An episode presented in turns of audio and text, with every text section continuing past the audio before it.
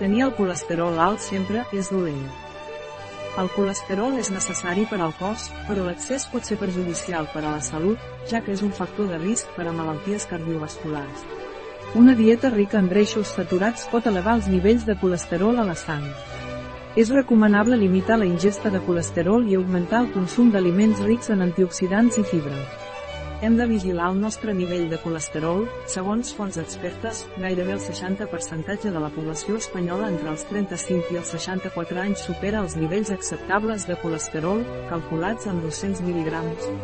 Aquestes xifres són preocupants, ja que el colesterol és un dels principals factors de risc de les malalties cardiovasculars, que causen gairebé el 40% de totes les morts que hi ha a Espanya. En primer lloc, cal diferenciar el colesterol de la sang, del colesterol dels aliments, tenir COLSTROL sempre és DOLNT, el colesterol no sempre és dolent, sinó que també és necessari, ja que forma part de l'estructura de les membranes cel·lulars del cos. Encara més, a partir d'aquesta molècula se ne fabriquen d'altres, la vitamina D, algunes hormones i els àcids biliars, de gran importància per a l'organisme, gairebé la meitat del colesterol que circula per la sang el produeix el propi organisme de forma natural, i una altra porció del colesterol L obtenim dels aliments, que hi té a veure la dieta amb el nivell de COLSTROL, quan ens referim als aliments, hem de tenir en compte que té efectes més nocius la ingesta d'aliments rics en greixos saturats que el propi colesterol, en encara que sovint s'uneix a l'elevat contingut en colesterol i el de greixos saturats, com és el cas dels greixos animals, xai, mantega, porc, embotits, et, una dieta rica en greix saturat pot afavorir l'aparició i desenvolupament d'hipercolesterolèmia,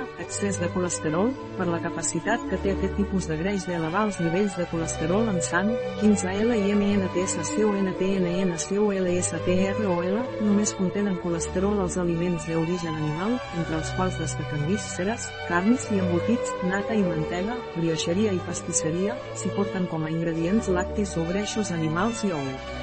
Tanmateix, hi ha alguns greixos vegetals que també tenen una gran capacitat per elevar els nivells de colesterol i de triglicèrids, els greixos de coco i de palma, utilitzats sobretot en pastisseria, brioixeria i plats preparats. Recomanacions Segons les recomanacions dels experts, per mantenir una dieta saludable cal limitar la ingesta de colesterol a menys de 300 mil que s'ha de consumir sobretot greix procedent de l'oli d'oliva i augmentar el consum d'aliments rics en antioxidants naturals, aliments vegetals en general, ja que aquests antioxidants, sobretot vitamines i minerals, tenen la propietat de reduir o impedir l'oxidació de les partícules grasses i l'acumulació posterior en les parets de les artèries. També se sap que la fibra que contenen certs aliments, fruites, llegums i algues, té la facultat de captar determinades substàncies a nivell intestinal, per exemple el colesterol i els greixos greixos, i d'impedir-ne l'absorció, en cas de colesterol elevat, la primera mesura consisteix a seguir una dieta baixa en greixos saturats i colesterol, i si així no és possible disminuir el colesterol, cal recórrer als fàrmacs que hi ha per reduir-lo, acompanyats sempre d'una dieta rica en fruites, verdures, cereals, llegums i peix, és a dir, amb un baix contingut en greixos saturats. Consells Tenir el colesterol elevat no vol dir que no es pugui consumir cap aliment que contingui colesterol. És recomanable consumir com a màxim 300 al dia de colesterol, un ou conté al voltant de 200 de colesterol, per regular el nivell de colesterol, cal mantenir una dieta rica en antioxidants, fruites i vegetals, així com baixa en greixos saturats, que contingui abundants llegums, cereals, peix, lactis desnatats, et. Font, farmacèutic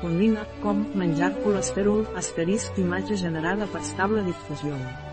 Un article de Catalina Vidal Ramírez, farmacèutica, gerent de Biofarma és. La informació presentada en aquest article no substitueix de cap manera l'assessorament d'un metge, qualsevol menció en aquest article d'un producte no representa el suport dels objectius de desenvolupament sostenible a aquest producte.